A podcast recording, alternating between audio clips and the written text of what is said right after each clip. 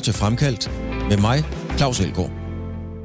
Lige nu er han kendt for at deltage i Vild med Dans, men i mange år var han allerede en af verdens allerbedste paraatleter. Det kan kun være Daniel Wagner, danseren og løberen med Blade Runner-protesen. Men hvem er manden bag det skræddersyede danseoutfit? Hvad tror han på? Hvad er hans tilgang til livet? Og hvordan skete ulykken, da han mistede noget af benet? Kom tæt på og bagom Daniel Wagner, for han er gæst i Fremkaldt. Daniel, vi sidder i, øh, vi sidder i København. Vi sidder på Amager, det kan vi godt sige, på en café, og har siddet og snakket over en, øh, en kop kaffe. Og øh, på bænken ved siden af dig, der ligger jo sådan set dit ben. Er det ikke sådan rigtigt beskrevet? Jo, det lyder lidt makabert, når du siger det på den måde, men det er jo mit danseben. Ja. Hvad er det? Prøv at beskrive, hvad det er. Jamen, øh, det, er, det er en kulfiberfod. Det er faktisk den fod, jeg bruger til, til løb på atletikbanen, men den er blevet lavet danseagtigt, så jeg kan bruge den til, til vild med dans, og jeg skal bruge den første gang her på, på fredag til en cha-cha-cha.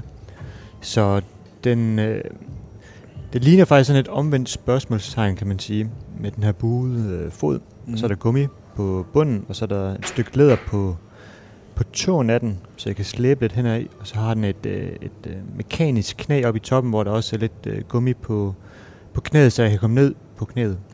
Mm. Øhm, og så har den en... Øh, så, så kan jeg skrue den fast på mit hylster, som jeg har på nu. Øh, så ja. Er du gode venner med øh, sådan en øh, anordning, eller forbander du den?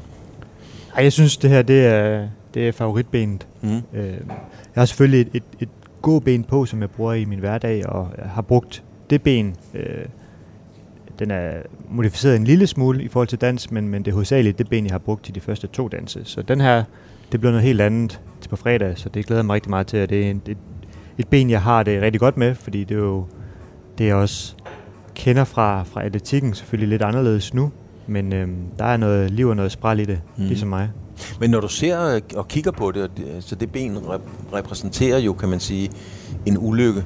Altså, øhm, hvad tænker du, når du ser det? Det er det, jeg mener. Altså, bliver du mindet om noget forfærdeligt, der skete, eller er det ben, der ligger på bænken der, faktisk blevet en naturlig del af dig, som, som du bare har accepteret? Jeg tænker slet ikke nogen negative tanker om det. Jeg tænker faktisk mere, i stedet for en ulykke, så tænker jeg på muligheder. Altså det er et ben, der giver mig en masse muligheder. Øh, prøv at tænke, hvis den teknologi ikke fandtes, mm. så, var jeg, så var jeg på røven.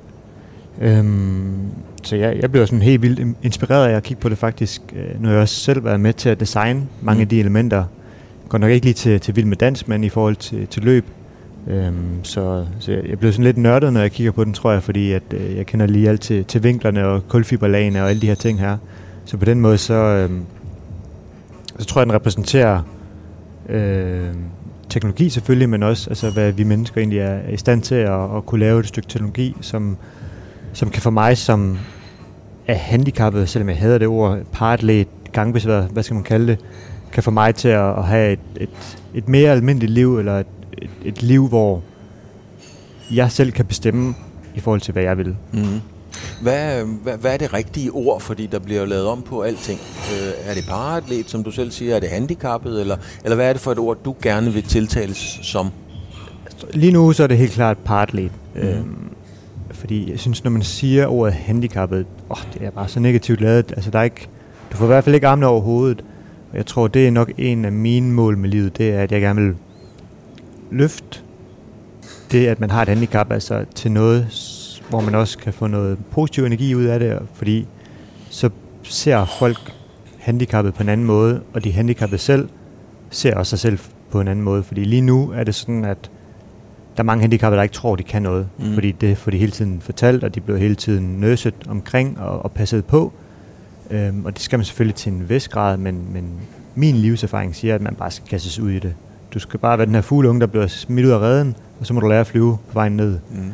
Øhm, og det skal du nok nå at lære. Så hvad skal man sige, hvis du, hvis du kalder det for en paratlet, så, øhm, så det er et nyt ord. Man skal lige tænke lidt over det, og der er lidt mere energi i det på en måde. Så vi også, hvad hedder de før, det hedder Dansk Handicap Idrætsforbund. Oh, jeg falder næsten i søvn, hver gang jeg siger det. ja. Og i dag hedder det Passport Danmark.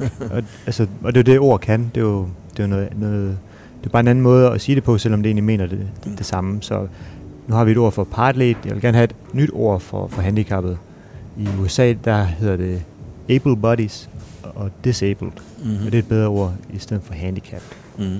Når nu det ligger der, øh, Daniel, øh, hvor går... Man snakker jo om det med, med, med, øh, med, med sorte. Altså, kan man fortælle vidigheder om sorte? Kan man fortælle vidigheder om handicappet osv.? Øh, ja, det kan man godt, hvis man selv er det. Hvor, hvor, hvor ligger din grænse henne i forhold til, hvornår det ikke er sjovt længere? Det har jeg ikke lige tænkt over. Altså, jeg tror, jeg er en meget åben person. Altså, jeg kan også godt lide at joke med, med tingene, fordi igen, det er en god, god icebreaker. Mm. Øhm, fordi når man er handicappet, så er det selvfølgelig en del af dig, men, men du vil jo gerne ses på som et menneske, ligesom alle andre vil. Mm. Øh, og hvordan kommer man så derhen? Det gør man tit med, med en eller joke, hvor man måske øh, snakker om elefanten i rummet, og så, så ved alle, at den er der, og så kan man ligesom komme videre derfra.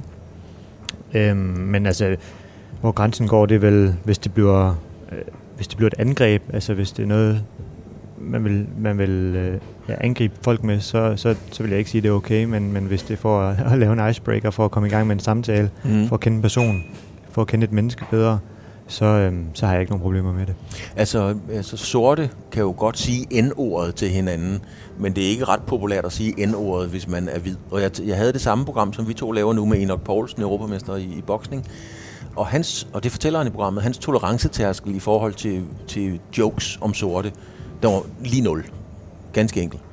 Okay. Altså, så at, at din, men, men din tolerancetærskel omkring handicap, den er, den er, skal vi sige, fleksibel. Ja, altså, det kommer også meget an på, øh, hvad person du har. Nu er der en, en lang historie med, med sorte, og det er nok også derfor, de er lidt øh, overfølsomme over for det, men jeg har heller ikke helt forstået, hvorfor den, de må kalde det, og andre ikke må. Altså, det, forstår jeg heller ikke, men, men det er jo en anden snak. Øhm, men, f- hvad skal man sige, den måde folk de griber deres handicap an på, det er jo, det er jo meget forskelligt. Nogen, nogen er jo ikke, altså, ikke kommet over det, men altså ikke har accepteret det Mm. hvor jeg er en person, der, der 100% har accepteret min situation som, som benamputeret, og, og det er også vigtigt for mig, i og med at jeg laver det, jeg laver, som er, er sport, at jeg er en ambassadør for det. Så, så jeg tænker meget over, at jeg gerne vil vise mine ben frem. Du kan også se, i dag har jeg shorts på, selvom det er lidt køligt udenfor, fordi Ja. det er vigtigt for mig at vise frem, Ja. at jeg har en benprotese. Man kan også få en masse kosmetik, så min protese kommer til at ligne et rigtigt ben, men, men det er ikke stor Det er ikke det, du vil. det er ikke stor fortaler for, fordi at jeg har ligesom accepteret min situation, og jeg vil gerne vise det frem, at, at det her det er en del af mig. Du skal lige forklare for mig, Daniel, hvad er forskellen på at komme over et handicap og have accepteret et handicap? Øhm, jeg tror, at komme over et handicap, så... Øh, det, det har jeg ikke lige tænkt på. Men jeg det, var, fordi du- det var fordi, du sagde det selv, nemlig. gør det. Ja. Jamen, jeg vil sige, at at komme over et handicap, det er måske er det stadiet før at acceptere det, eller er det omvendt. Det kan jeg ikke svare på. Nej. Det er egentlig, så det er egentlig ikke noget, du går så meget op i i virkeligheden. Det, det, det var fortiden. Ja, altså, jeg tror, jeg tror, jeg accepterede min situation, hvis man skal kalde det, fra, fra starten af. Altså, øh, dengang jeg var 14 år og mistede benet. Jeg vidste ikke, hvad der var op og ned. Jeg vidste ikke, der var noget, der benprotese. Jeg troede, det var kørsel og krykker for mig. Så, så da jeg fik at vide, at jeg kunne komme op og gå igen, så, øh, så begyndte jeg egentlig at se fremad derfra. Øh, så jeg har heller aldrig grædt over det, eller været bitter over mit, min situation. Øhm, jeg har altid prøvet at, at finde løsninger, og det har været igennem sporten. Mm-hmm. Daniel, øhm, du- skal, de fleste mennesker, du har jo fortalt den historie mange gange, hvad pokker skete der. Og det er slet ikke for at gøre den, og nedtone den og sådan nogle ting. Øh, men, men fortæl den lige den korte version af det, fordi der er jo trods alt nogle af lytterne, som måske ikke lige ved, hvad der skete. Jo, helt sikkert. Jamen, øhm, det var i 2008. Jeg har været, jeg har dyrket gymnastik hele mit liv, siden jeg var to år gammel. Jeg skulle lave en gymnastikopvisning i, i 2008 øh, i Vejle, min lokale hjemby, mm. med Vejle Springteam. Jeg skulle lave øh, en helt almindelig, sådan, den klassiske danske opvisning med noget måttespring og lidt rytme og noget trampolinspring. Øh, og det var helt klart springene, der var min favorit. Og jeg skulle lave en, øh, en dobbelt forlæn salto i en mini-trampolin. Så det var mit sværeste spring på det her tidspunkt. Jeg var 14 år, øh, men det var ikke et nyt spring. Og øhm, jeg lavede så øh, det her spring, roterede to gange rundt, og så lande på en madras bagved. Øhm, spring gik egentlig fint nok, men da jeg landede, så landede jeg med al vægten på mit højre ben, så mit knæ det gik af led. Øhm, og det sker sådan forholdsvis tit inden for gymnastikken, så går knæskallen ud til siden, og så kan man slå den på plads igen. Og det gør selvfølgelig nasse, og man er ude lidt tid, men der er ikke den store skade sket. Men i mit tilfælde, så gik knæskallen op på låret og sad og, og rev en masse ting over. Øh, jeg blev så kørt ret hurtigt på hospitalet, og de tog et røntgenbillede af, af benene, kunne se, at det var gået af led. Og jeg blev så lagt i, i fuld narkose, og de rykkede ben på plads igen. Og da de gjorde det, så formoder vi, at de, de kottede de sidste blodkar, for der var ikke øh, blod til mit underben. Og når der ikke kommer blod til et læme, så dør det ret hurtigt. Mm. Øhm, og når det var så stort som et underben, så ville det i sidste ende gå udskille en masse affaldsstoffer, som ville gå op i min nyre og slå mig ihjel. Så øh, vi gik ligesom fra et knæ, der var gået led til øh, et ret stort tidsproblem. Øh, så de endte med at operere mig i 13 timer og, og fjerne en stor vene fra mit andet ben, så jeg har et stort ar, for ligesom at bruge som en slange for at få blodet til underbenet. Men det, øh, det, øh, det lykkedes ikke, så det blev nødt til at amputere ben, mens jeg lå i fuld narkose, så jeg blev lagt i fuld narkose med et knæ, der var gået led og vågnet op med et ben, der ikke var der mere. Så det var ligesom en, øh, en ny virkelighed for mig. Jeg vidste så godt, at benet det var væk, da jeg vågnede, for det havde de fortalt mig. Og det havde åbenbart registreret, da jeg var på vej ud af den her narkose. Men jeg vidste selvfølgelig ikke, at der var noget, der hed benprotese. Jeg vidste ikke, hvad en amputation betød. Jeg vidste bare, at benet det var væk. Mm. Øh, så det var ligesom min nye virkelighed. Mm. Hvad gør man så? Ja, hvad gør man så? øhm, for mig som 14-årig, så havde jeg skruet forventningerne meget lavt ned. Jeg troede, det var kørestol og krykker for mig. Øhm, og det, det er ikke fordi, det er noget ondt sagt om det, og det skulle jeg nok også få til at lade sig gøre, men, men det var ligesom det, var det jeg tænkte. Øhm, den første person, jeg så, det var min far, og han spurgte, om jeg vidste, hvad der var sket, og jeg sagde ja. Benet, det, det var væk, og han spurgte, hvordan jeg havde det med det. Og jeg sagde, at det var der ikke så meget at gøre ved. Jeg vidste, benet det kom ikke tilbage igen. Og så spurgte jeg, om jeg kunne komme op og gå igen, for det var min første tanke. Og han sagde, at det, det skulle jeg nok. Og så tror jeg egentlig derfra, begyndte jeg at acceptere situationen til en vis grad. Det var ikke fordi, jeg havde armene over hovedet overhovedet, mm. og var super glad, men det var, det var bedre, end jeg lige selv havde, havde forventet. Og så mødte jeg bare en masse fantastiske mennesker den næste stykke tid, som, som var med til at hjælpe mig. En, en det hedder Gert, som øh, var min bandagist, som ham, der ligesom står for hele det her med amputationen og få det udstyr, man skal have og alle de her ting her. Mm. Øhm, og så var jeg på hospitalet i en uge, kom hjem på sådan en prøveweekend, og tre uger efter min amputation, der fik jeg fjernet de sidste sting i, i alle de ar, jeg nu havde. Og det første, jeg skulle, det var at finde ud af, om det her gymnastik, det stadigvæk kunne lade sig gøre. Så jeg tog ned på min øh, forældres havetrampolin, stod der på et ben og var mega nervøs. øh, tog mig sammen og, og lavede en flikflak og en baglæns salto på et ben, og så vidste jeg ligesom, okay, det er mig selv, der ligesom sætter grænse, grænserne. Det er mig selv, der skal finde grænserne. Øhm, og det her gymnastik, det kunne stadigvæk godt lade sig gøre til en vis grad. Fordi jeg skulle videre på en gymnastik efterskole øh, 3-4 måneder efter. Mm. Så jeg skulle ligesom overbevise mig selv om, at, at det godt kunne lade sig gøre på den ene eller anden måde. Mm. Når man er igennem sådan et forløb, øh, og du er kommet ud af det på den måde, som du er kommet ud af det, hvad lærer man så omkring det her med at at skulle kæmpe for noget. Altså, vi lever jo i et meget privilegeret land, kan man sige, på mange områder. Hvad, hvad lærte du? Jamen, jeg blev sat i en situation som 14-årig, hvor jeg for første gang i mit liv skulle kæmpe for et eller andet. Altså, sådan virkelig, så virkelig kæmpe. Hvis jeg ikke kæmpede, så ville jeg miste mig selv på en, eller, en eller anden måde. Altså, jeg ved ikke, om det var en identitetskrise. Det var slet ikke det, jeg tænkte på det tidspunkt, men jeg kan se, når jeg reflekterer tilbage, at det var, det var virkelig det, jeg gjorde. Så hvad skal man sige, hvis man kan forestille sig sporten, det var sådan en lille eller sporten var, var en kæmpe ildkugle førhen, og så efter ulykken, så blev det til en meget svag lille lyskugle, og den blev nødt til at passe og pleje for at holde i live. Men mm. det var mhm. ligesom en del af mig, min identitet.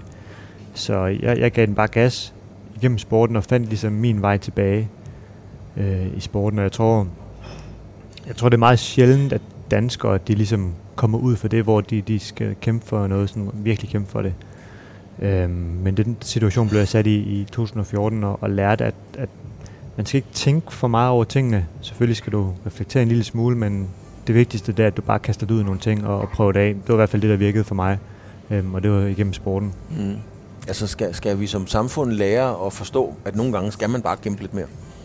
Jamen jeg tror, hvad skal man sige, jeg tror, jeg kom til den konklusion, at, øh, at det er meget lærerigt og meget vigtigt for, for folk at være ude for noget, der er, jeg ved ikke, om man skal kalde det traumatiserende, men i hvert fald en begivenhed, der er så øh, hæftig, at den tvinger dig til at stoppe op og reflektere over dit liv og finde ud af, hvor, hvor, hvor går du hen af, hvor er du på vej hen.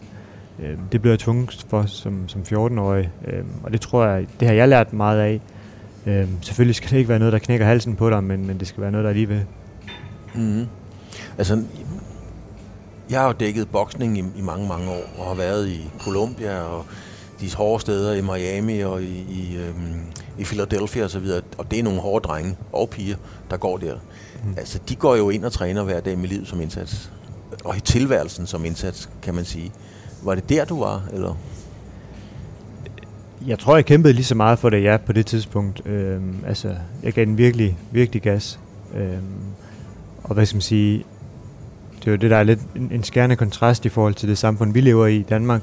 Det er, at hvis du, hvis du fejler, lad os sige, at jeg fejlede, og jeg ikke, jeg ikke kom op, så vil der være en eller anden form for sikkerhedsnet, mm. der, der vil redde mig. Men jeg tror, jeg vil have mistet mig selv i, i, i, i den kamp, hvor hvis du tager til Colombia eller Brasilien, eller hvor det er, hvis, hvis en bokser der ikke, øh, ligesom ikke klarer den, så ender personen i slummen eller, eller en kiste, fordi det er så hårdt et miljø. Og, den, det, det har vi ikke i Danmark på samme måde, fordi vi har det samfund, vi har. Men jeg føler ligesom, at, at med den her ildkugle, der skulle jeg ligesom kæmpe for mig selv, for, for, for at redde mig selv. Øhm, og igennem gymnastikken og senere i atletikken. Mm. Da du var barn øh, og gik en tur på gågaden, eller hvis I var ude at fiske, eller et eller andet. Du er 14 år, da ulykken sker, ikke? Jo. Ja. Hvad gjorde du, når du så nogen, der sad i en kørestol, eller kom på krykker, eller manglede en arm, eller fordi det støder man jo på. Hvordan reagerede du på det? Jamen, jeg var ligesom så mange andre, tror jeg, altså en person, der, der kiggede lidt mærkeligt, og, øh, fordi at, at folk de så anderledes ud, øh, og var måske ikke den bedste til at gå hen og, og snakke med dem eller spørge, men, men skabte en masse forestillinger stillinger i mit eget hoved omkring, hvem de personer nu var. Øh, og nogen, man ligesom holdt lidt på afstand på en eller anden måde, tror jeg. Radio 4 taler med Danmark. Nu er du så kommet med i Vild med Dans. Ja. havde du set den komme for, for nogle år siden? Jeg er faktisk blevet spurgt et par gange, om, om, jeg, om jeg vil være med, men øh, det er ikke kunne lade sig gøre før nu. Øh, så det er noget, jeg har, jeg har tænkt over, men det er også noget, der har, der har skræmt mig, mig ret meget. Øh, fordi, hvad skal man sige, at være paratlet og dyrke atletik, det er der ikke ret mange, der kan forholde sig til. Øh, hvordan man løber en 100 meter på et ben. Jeg tror, folk de kan bedre forholde sig til, hvordan man løber en 100 meter med to ben, fordi det har de i hvert fald mulighed for at prøve. Mm. Så det der med at skulle være med i Vild med Dans, det er der så mange, der har en eller anden form for forhold til. Enten har man set det, set det, eller så har man ikke set det, men du har en idé om, hvad det er. Øhm, og her blev jeg jo måske ligestillet, som jeg aldrig nogensinde er blevet før. Altså, blevet, altså der er ikke, hvad skal man sige, der er ikke nogen regler for at skulle bedømme sådan en som mig, fordi der har aldrig været en som mig med før. Øhm, og det er jo lidt skræmmende, men også lidt fedt, synes jeg. Fordi mm. det er med til at skubbe til nogle grænser, og det kan jeg rigtig godt lide. Mm. Altså, jeg skal lige forstå det rigtigt. Er det fordi, at i, i atletik, der er det meget konkret. Der kan du kigge på stopuddet og sige, jeg løb så og så hurtigt, eller jeg hoppede så langt. Men her er der ikke rigtig nogen facitliste til det, du laver, eller hvad mener du? Mm, jo, men hvad skal man sige, når jeg dyrker min sport, så er vi jo... Der er aldrig noget, der er færre, men, men vi er forholdsvis i samme bås, skal man sige. Jeg løber med folk, der også mangler et ben, mm. så på den måde prøver vi at gøre det så færre som muligt, så det er nemt at sammenligne sig selv med, hvor man er. Selvfølgelig har folk forskellige fysiske forudsætninger og er i forskellige steder i deres liv og deres karriere øh, og niveau. Men hvad skal man sige, alle har mere eller mindre samme vilkår, selvom de så alligevel ikke har det. Mm. Men, men det er mere sammenligneligt, hvor her der kommer jeg jo ind som en med en benprotese og skal lave et danseshow og danse mod nogen, der, der har begge ben. Og, og det har vi kun set i det program, som har, øh, jeg tror det er 19. sæson, vi er gået i gang med nu. Øh, første program var program 200, så de har jo en, en, en lang historie med, med danser, og hvad skal man sige, det regelsæt, der er blevet skrevet om Vild med Dans, har jo så meget historie, så, så der er en bestemt måde, man skal gøre tingene på. Nu kommer jeg ind som en benamputeret og skal være med første gang, og jeg ved ikke engang, om jeg kan lave de her grundtrin. Øh, jeg ved ikke engang, om jeg kan lave rigtig dans. Jeg har aldrig prøvet at danse før. Øhm, og, og gå ind med den tilgang, at det kan godt være, at jeg bliver nødt til at, til at genopfinde nogle nye ting, eller bryde med nogle regler for at få de tingene til at, at, at lykkes. Og det har jeg jo ikke nogen idé om, hvordan det bliver taget imod, for det er ikke sket før. Det er ikke blevet behov for før.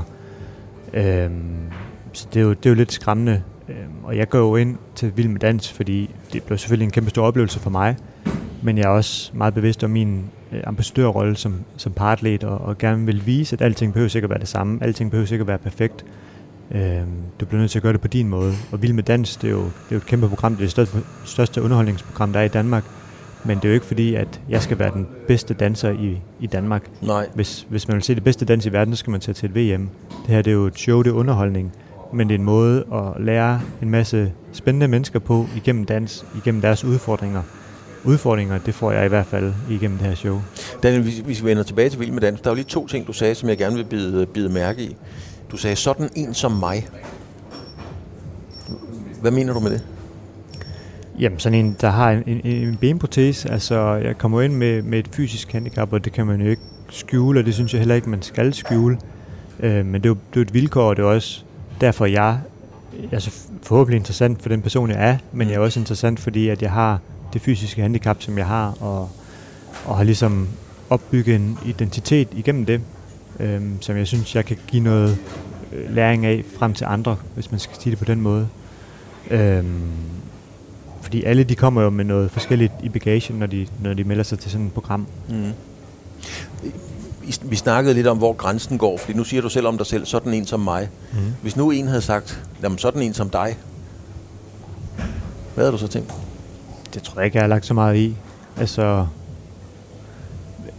hvis, hvis, det, hvis det var, hvad skal man sige, men som for mangel for bedre ord, for det mangler jeg også nogle gange selv. Altså, jeg synes, vi mangler nogle ord nogle gange til at beskrive mm. altså folk med et handicap. Altså, fordi jeg kan ikke lide at bruge det ord handicap, men jeg har ikke et bedre ord for det lige nu. Nej. Øhm, og, det har, og hvis jeg ikke har det, så har andre det heller ikke. Nej. Så sagde du, at du aldrig danset før. Vil det sige, at øh, du, har, du aldrig med din kæreste lige taget en, en, en, en tre hurtigere end langsom, eller hvad var det, de sagde? Øh, øh, øh, ja-dakkerne. du har simpelthen aldrig været ude at danse? Altså, jeg har jo selvfølgelig haft noget rytme i form af min gymnastik. Jeg Ja. godt tælle en takt, men det er aldrig noget, jeg har lagt vægt i. Det var mere, det var mere pligt end, end fornøjelse. Mm. Øhm, så hvad skal man sige? Jeg blev spurgt til, hvor mange danse jeg kunne. Vild med dans, jeg kunne ingen overhovedet. Altså, øhm, måske kunne jeg nævne en samba eller en tango eller et eller andet, men jeg vidste ikke, om det var en standard eller en, en latindans. Det er jeg blevet lidt klogere på nu. Jo, så jeg danset en lille smule på efterskolen, fordi vi skulle danse noget øhm, lancier. Det er Ja. sådan en tradition. Ja. Så det er nok det meste, jeg har. Øh, Og det var også med en protese. Men, øh, men, men slet ikke på den skala, som vi, vi gør nu.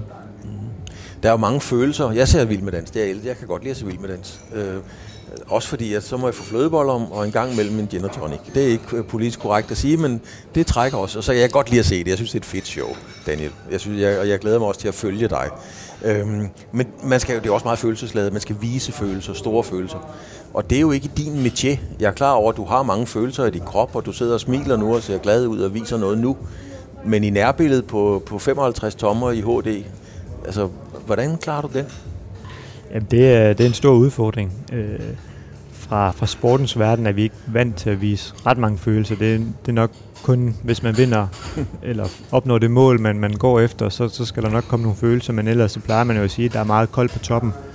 Øhm, om, hvad skal man sige, når man er i det her mesterskabsmiljø, hvor man er ude at konkurrere, så, øhm, så er det, det er en meget uvandt følelse. Altså det er en meget... Øhm, det er lidt ligesom at gå op til eksamen bare gange 100. Altså det er sådan virkelig en, en, en, en mærkelig, mærkelig rum at være i.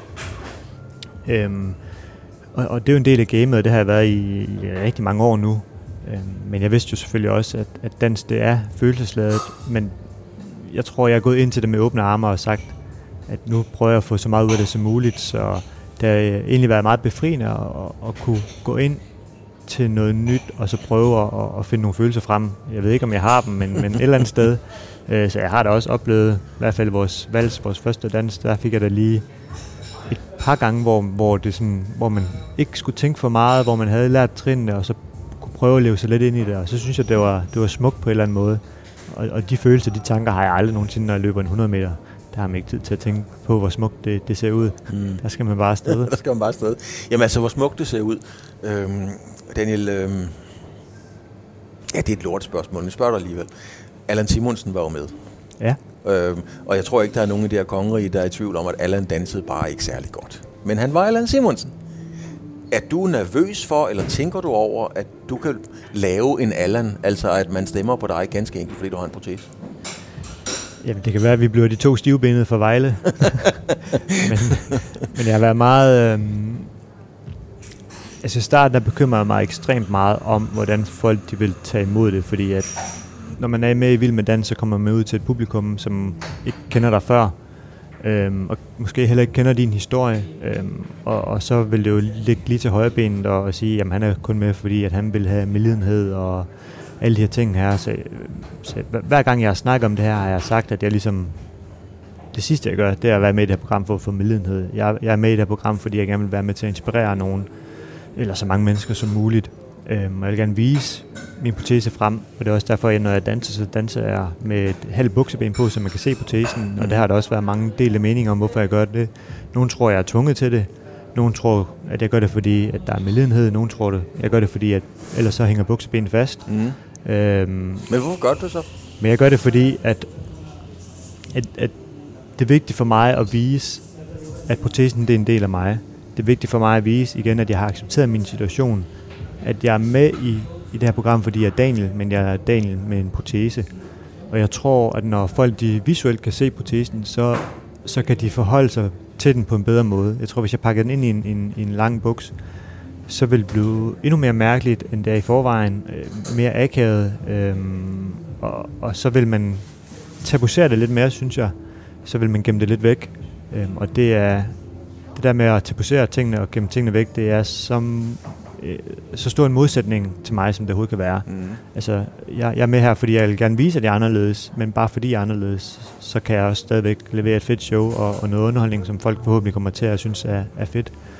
Øhm, så jeg vil sige, den, den største, sådan, det største kompliment, jeg har fået indtil videre, har ikke været målrettet mig, men, men der er blevet skrevet, at der er et stort niveau i Vild med Dans i år, og der ikke er nogen, der skiller sig ud. Og det ramte mig sådan meget, nå, jeg var, jeg var 100% sikker på, at, at jeg ville skille mig Ja. rigtig meget ud. Ja. Så, så det, det fortæller mig, at folk de... Øhm, selvfølgelig kigger de på protesen, og det, det tvinger dem også til, men alligevel har de formået også at, at underholde showet, og, og synes, at det, det er en fed dans, vi leverer. Og det, hvis vi allerede er der, så synes jeg, vi er kommet langt. Men, men Daniel, altså, hvem er det, der tager sådan en beslutning? Er det dig, der bestemmer, jeg vil have en buks på, hvor at man kan se min protese, eller er det produktionen, der bestemmer det, eller hvordan foregår sådan noget? Ej, det har helt klart været mit ønske. Altså, Det var dit ønske, ja. De var sådan lidt tøvende med det til at starte med, men jeg sagde, at altså, hvis I skal mig med, så skal det være sådan, det skal være. Ja. Ellers så smutter jeg. Okay. Øhm, vi har ikke været der, men altså, det, det har været, Det var vigtigt for dig? det var, det var alfa og omega for mig. Ja. Ja. Okay. Nu øh, har du dyrket atletik, paratletik på, på øverste hylde, verdensklasse, i mange år. Men nu er og bliver du bare resten af livet ham for vild med dans. Hvordan er det? Jamen, det er selvfølgelig lidt trist på en eller anden måde, at øh, det, man har, har kæmpet for i så mange år, at øh, folk de synes, at vild med dans er federe, men hvad skal man sige igen, øh, om vi ved det eller ej som sportsøver, så når man koger det ned, så er sport jo også underholdning. Øhm, og det er vild med dans også. Øh, og for mig at kunne lave vild med dans, samtidig med at jeg har en aktiv karriere, det er jo et drømmescenarie for hver en atlet, fordi det er jo vi, ikke, vi, vi tænker det ikke som et popularitetsprogram i forhold til at være atlet, fordi at vi synes, vi er meget mere end det. Men, men i sidste ende, så er det jo også underholdning, og det er jo, hvem er mest populær. Øh, vi, vi kæmper jo hele tiden med at skulle øh, kæmpe med fodbold og håndbold og tennis og golf og alle de populære sportsgrene. Der er atletik bare ikke ret stort, og især ikke paratletik. Altså, det er jo niche i en niche. Mm. Øhm, så at jeg har, kan være med til at, at få mit navn ud, men forhåbentlig også atletikken og paratletikken ud, det, øhm, det, vil jeg, det vil jeg gøre alt for at, at kunne, og så håber jeg da, at mange af dem, der følger mig i Vild med Dans, også bliver ved med at følge, følge mig, når jeg vender tilbage til atletikken bagefter. Mm. Øh, men, men jo, det er selvfølgelig en risiko, men hvad skal man sige? Jeg tror, min rolle i livet, ikke fordi, at det skal være øh, Daniel Wagner, atletikmanden, der skal ud. Det er jo, det er jo paratleten, det er jo ham med en benprotese. Det er ham, der kan være med til at forhåbentlig inspirere andre til at, at få et bedre liv øh, ved at kigge på mig, se hvad jeg har gjort, og forhåbentlig være med til at sætte sig nogle mål selv. Og om det så er i atletik eller i et dansprogram, det betyder ikke så meget for mig. Jeg vil bare gerne være med til at skubbe nogle grænser, skubbe til nogle folk, øhm, og, og, og være med til at gøre det her sted et lidt bedre og lidt sjovere sted at være. Mm.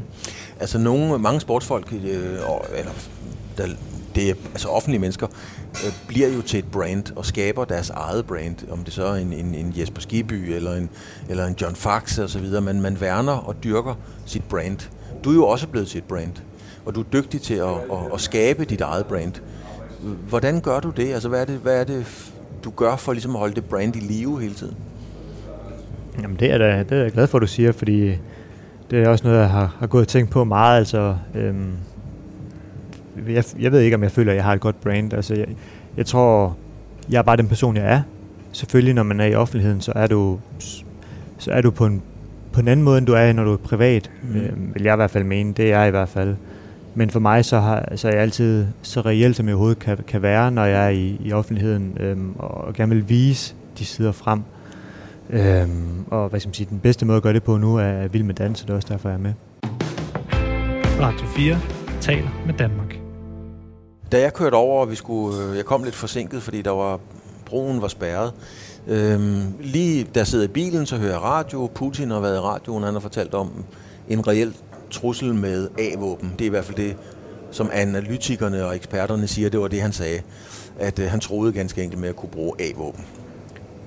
I din verden, hvad tænker du om sådan noget? Er det noget, du interesserer dig for? Går det der på? Eller hvordan reagerer du på sådan noget? Jeg sad og blev... Jeg, jeg havde sgu halvdårlig resten af turen, må jeg indrømme. Ja, altså selvfølgelig følger jeg med i verden, øh, politik og miljø og alle de her ting her. Øhm, men du fortalte mig det også, da du kom over, at, det her ryster dig lidt, og jeg tror ikke, det er ikke fordi, det er noget, der, der ryster mig. Øhm, men, og det er ikke fordi, jeg er ligeglad, men jeg tror for mig, det lærer du også som atlet. Altså, der er ting, du kan tage kontrol over og gøre noget ved, og der er ting, som er ude af din kontrol.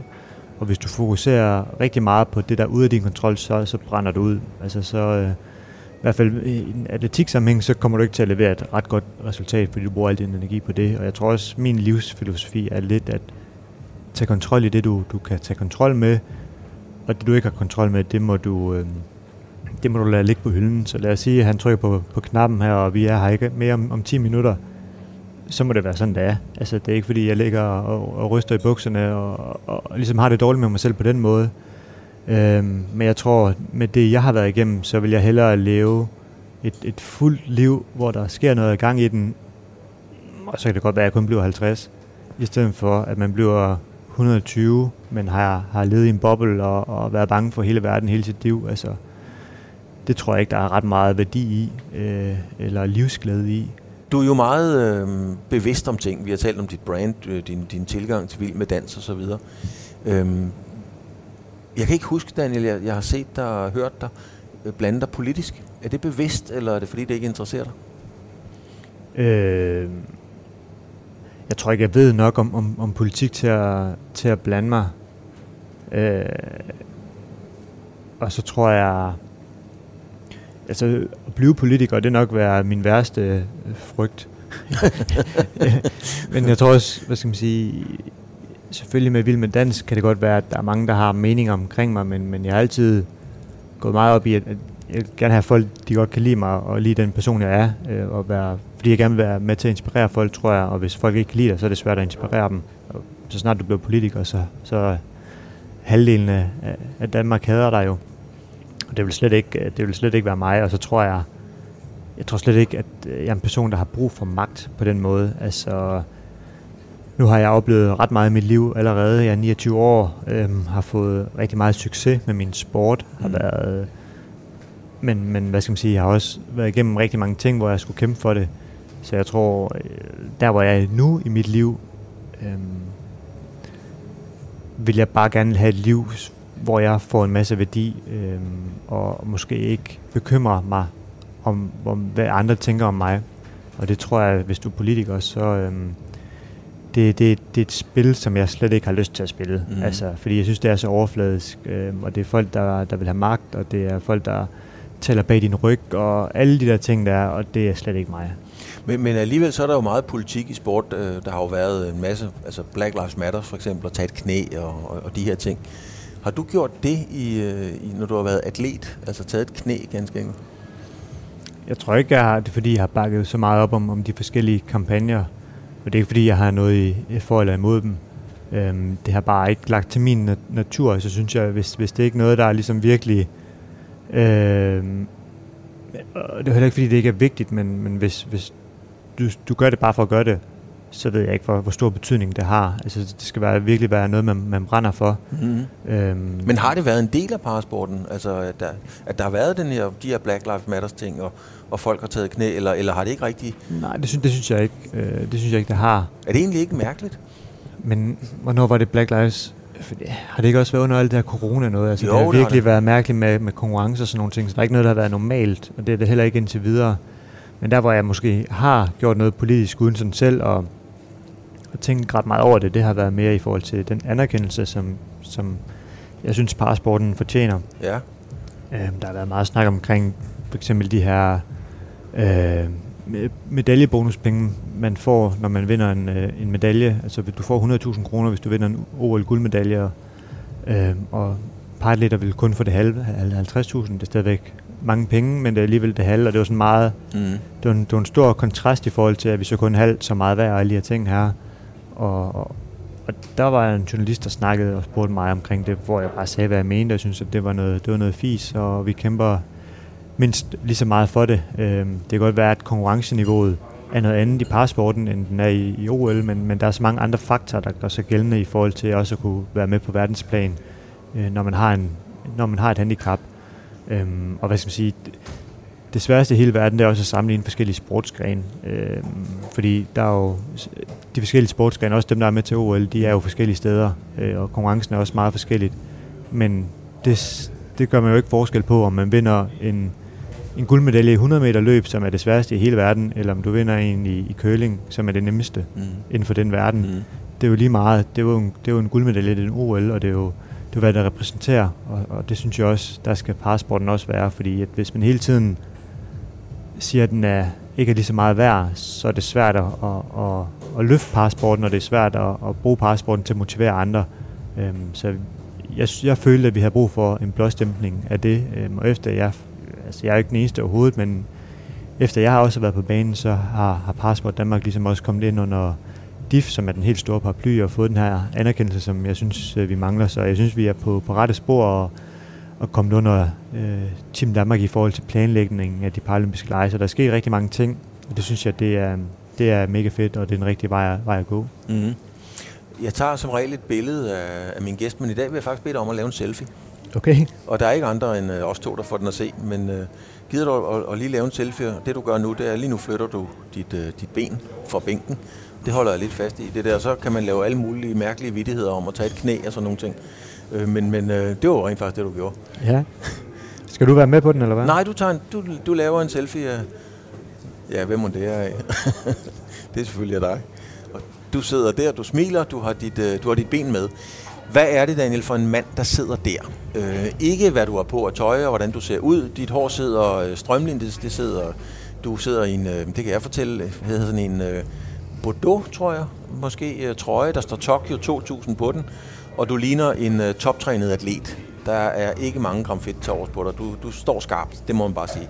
Det er det fysiske, men hvad er det for en mand, der sidder der på det billede? Hvor er du nu i tilværelsen i forhold til, hvor du måske troede, du ville være for 5-10 år siden?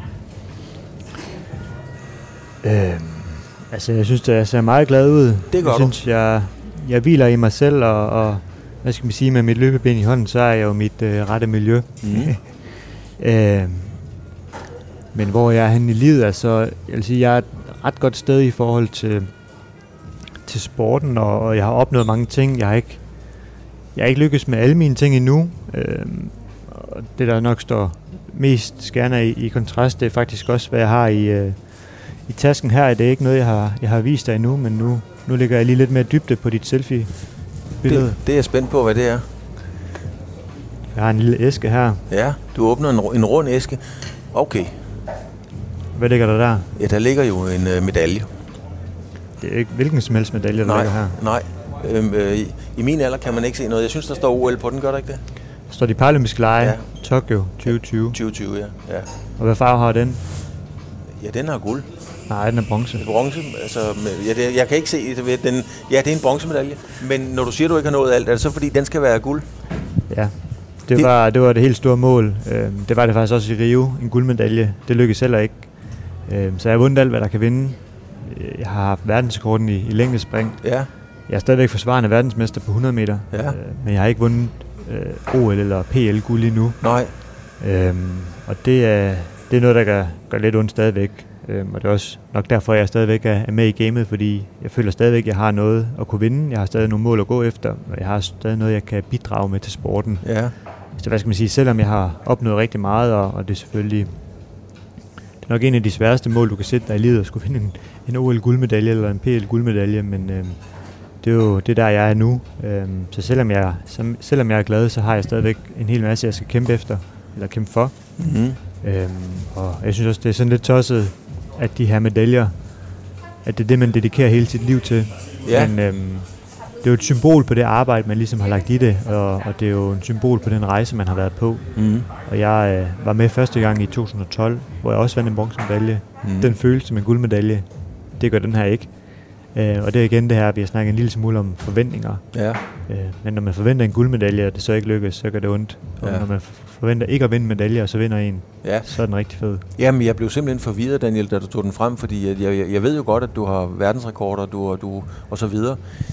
Så, så jeg tænkte lidt, om det var sådan en, du kiggede på om morgenen, fordi den skal veksles til en guldmedalje. Jeg, jeg, den overraskede mig meget, at du tog den frem, men det overraskede mig også meget, at, at, at det er det, når jeg spørger, hvor er du i tilværelsen, at det er, en, det er vekslingen fra en bronze til en guld, der betyder så meget for dig.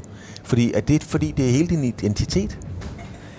Jamen, det, det er jo det er blevet til, altså jeg har dykket sport hele mit liv, og, og det er jo, hvad skal man sige, grunden til, tror jeg, at jeg trives rigtig godt i sporten, det er jo fordi, at, at lidt ligesom min ulykke, mm-hmm. altså der, der var noget at kæmpe for der, så er der også rigtig meget at kæmpe for i sporten, og der er rigtig mange ting, man skal løse. Man skal selvfølgelig arbejde rigtig hårdt for det, men, men for mig, dengang jeg kom til skade, så havde jeg et mål med at, at komme tilbage til mit gamle liv, og det var igennem sport, men her er det så nemt at sætte sig mål, og hvad skal man sige, jeg tror, jeg er blevet til en person, der, der skal have de her ret store mål at gå efter, før jeg lægger arbejdet i det. Mm. Jeg har svært ved bare at arbejde hårdt, uden at have noget, øh, uden at have en eller anden målsætning med det. Øh, så derfor trives jeg rigtig godt i, i sporten. Øh, men det stopper jo selvfølgelig på et tidspunkt, og jeg tror også, Det har en udløbsdato på det niveau, du er på.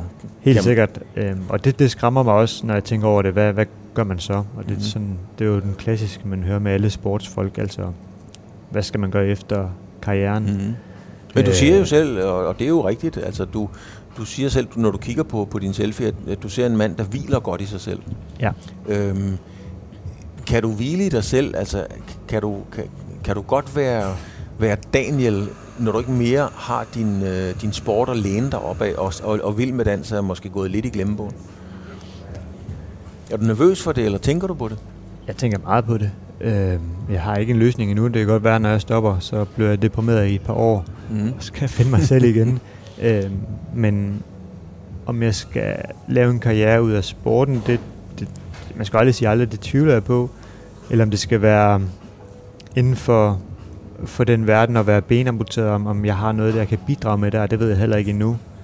Øhm, eller om det bliver noget helt tredje, det ved jeg heller ikke, men jeg tror for mig, og det er også det, jeg gerne vil ud og, og, og fortælle andre, det er, at det, jeg har lært fra min ulykke, og det, jeg har lært igennem sporten, det er jo nogle arbejdsredskaber, det er en måde at gribe tingene an på, som du kan bruge i alle aspekter af livet. Så Mm. det her med, øh, kaste ud i nogle ting, prøve nogle ting af, øh, altid have ja-hatten på, og så prøve at se, se mulighederne.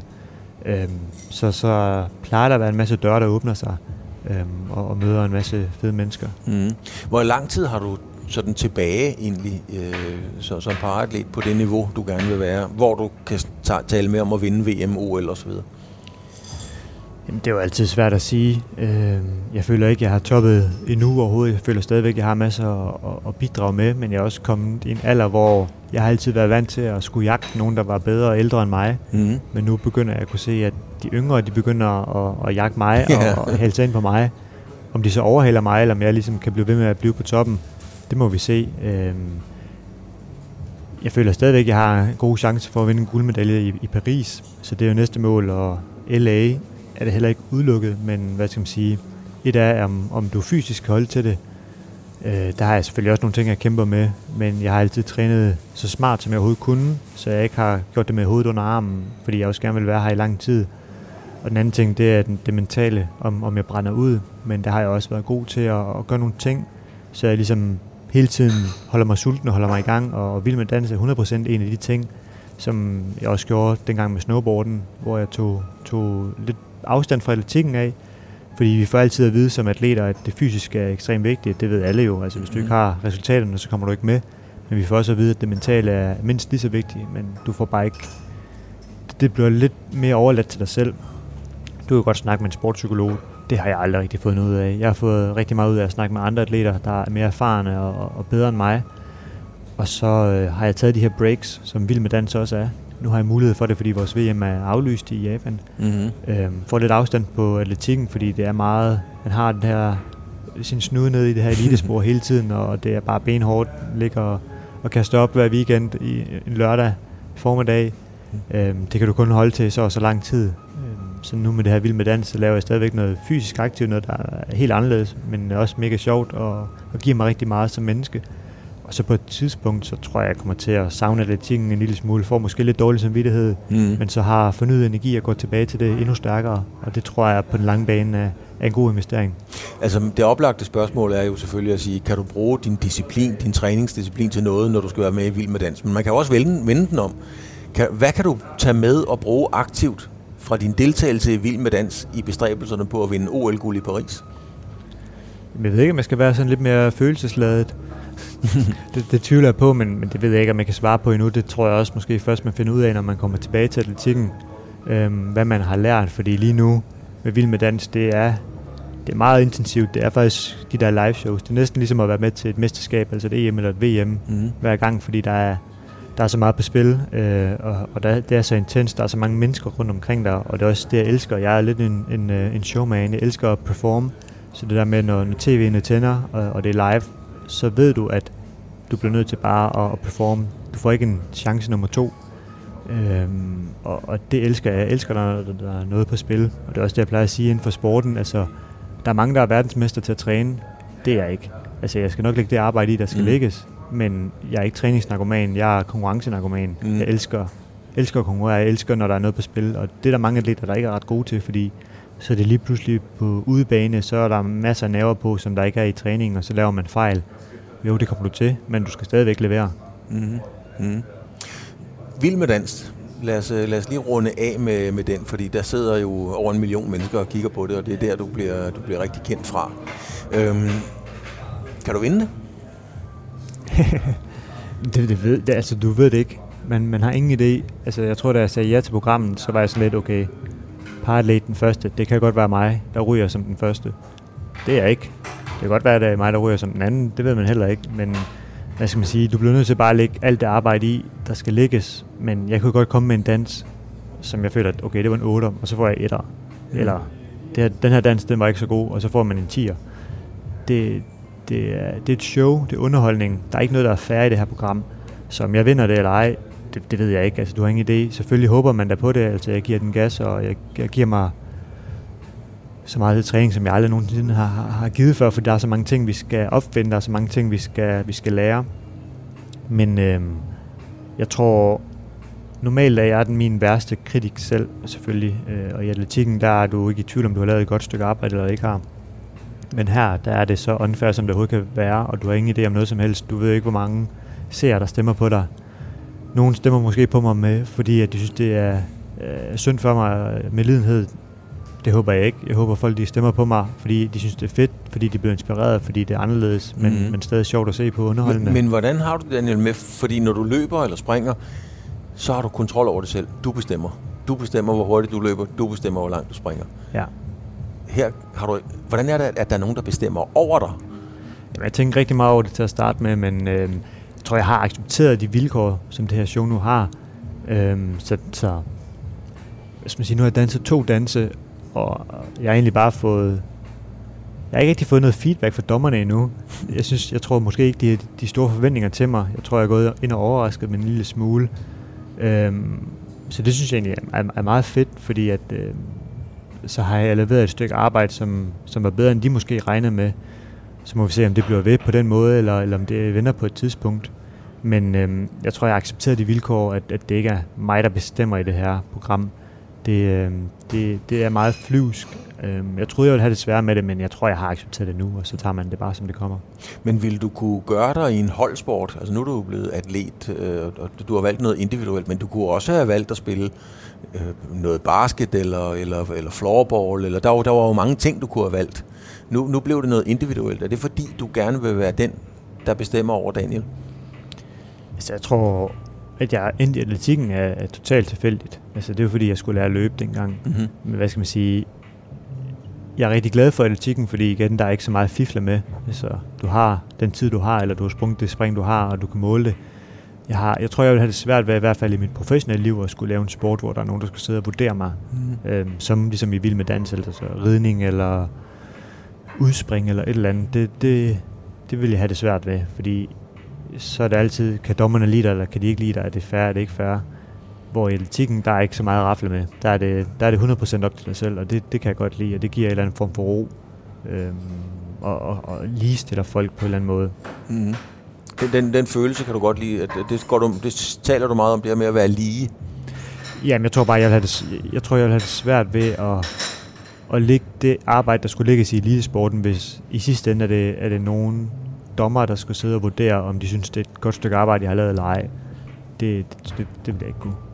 Er der nogen... Øh, det er jo sådan noget, jeg er spændt på. Det sad jeg og tænkte på, da jeg så dig danse første gang. Jeg tænkte, kunne om der er nogen af de der danse, som ligger mere ja, det er jo ikke en dårlig vidtighed, hvor man kan sige, det ligger lige til højre benet, men, men, men der, hvor det går stærkt, altså hvor der er noget mere tempo på, optempo, end, end en vals, eller hvad sådan noget hedder. Mm. Altså er der noget, der, når man er i din situation, er der noget, der ligger bedre for dig end andet? Ja, det bliver, det bliver da 100% sikkert. Øh, nu har vi danset en vals og en passo, og skal danse en cha-cha-cha, hvor jeg skal bruge løbeben, eller øh, lidt mere aktiv ben for første gang. Øh, men jeg synes egentlig, det er gået ret godt indtil videre, men vi får vi får nogle danse som jive og quickstep og sådan nogle ting, hvor det går ret hurtigt. Og det vi har fundet ud af indtil videre, det er, at hvis vi kan vælge en sang, som har lidt lavere tempo, så har jeg mere rum for at forbedre det. Fordi mm. hvis det går alt for, for hurtigt, så, så bliver det for stift, og så, så fiser jeg rundt og, og kan ikke rigtig være med, fordi udfordringen med dans også, det er, at jeg ved jo godt, hvordan man går på en protese, jeg ved godt, hvordan man løber på det. Øh, og det er ligesom et skridt, man tager, når man går, men i dans så er der tit sådan nogle halve trin. Mm. Og, og det, protesten slet ikke designet til. Øh, og det er ret svært, fordi så lander du tit på sådan en bøjet ben, øh, og jeg skal lande på et strækben hver gang, og så bliver det meget stift i det, og så kan jeg ikke følge med på de der retningsskift. Øh, men vi har, vi, vi lærer jo hele tiden, øh, og jeg er også med til at koreografere mange af tingene, men Asta, hun lærer også mere og mere omkring mig, og hvordan det er at være protesebruger. Hun har også prøvet at være op på sin protese for at prøve at være mig. Øhm, så hun ligesom kan prøve at være overbindsamputeret, for at se, okay, det er det her udfordringerne er. Mm-hmm. Øhm, så vi bliver, altså vi får et, et jeg ved, hvordan det er at være protesebruger, hun ved, hvordan det er at danse, og så prøver vi ligesom at finde et fælles sprog sammen, og finde ud af, hvordan løser vi den her udfordring her. Og det tager lidt længere tid end normalt, fordi normalt kommer hun bare med en koreografi, som folk skal lære, men det kan hun ikke gøre med mig. Øhm, fordi man kan ikke sige, om jeg kan alle de nemme trin, eller jeg ikke kan nogen af de svære. Jeg kan måske slet ikke lave det nemmeste trin overhovedet, men jeg kan godt lave et svært trin. Mm. Så vi bliver nødt til at kaste alle boldene op i luften, og så prøve at udvikle det sammen. Så det er ligesom en rejse, vi, vi er på sammen, og det er noget, vi bliver bedre til at finde ud af, okay, hvad for nogle danse passer bedst til mig, og så kan det godt være, at vi løber ind i nogle udfordringer, hvor, okay, det her, det går slet ikke. Mm. Men så må vi arbejde øh, rundt omkring det. Når, når jeg sidder og ser det, så, øh, jeg kender jo mange af dem, der er med, eller nogle af dem, der er med, også har været med i årenes løb. Og jeg sidder ofte og tænker, åh nej, bare hun nu ikke falder i kjolen. Og det må man godt sige i dag. Det er trods alt stadigvæk flest kvinder, der har kjole på, når de danser.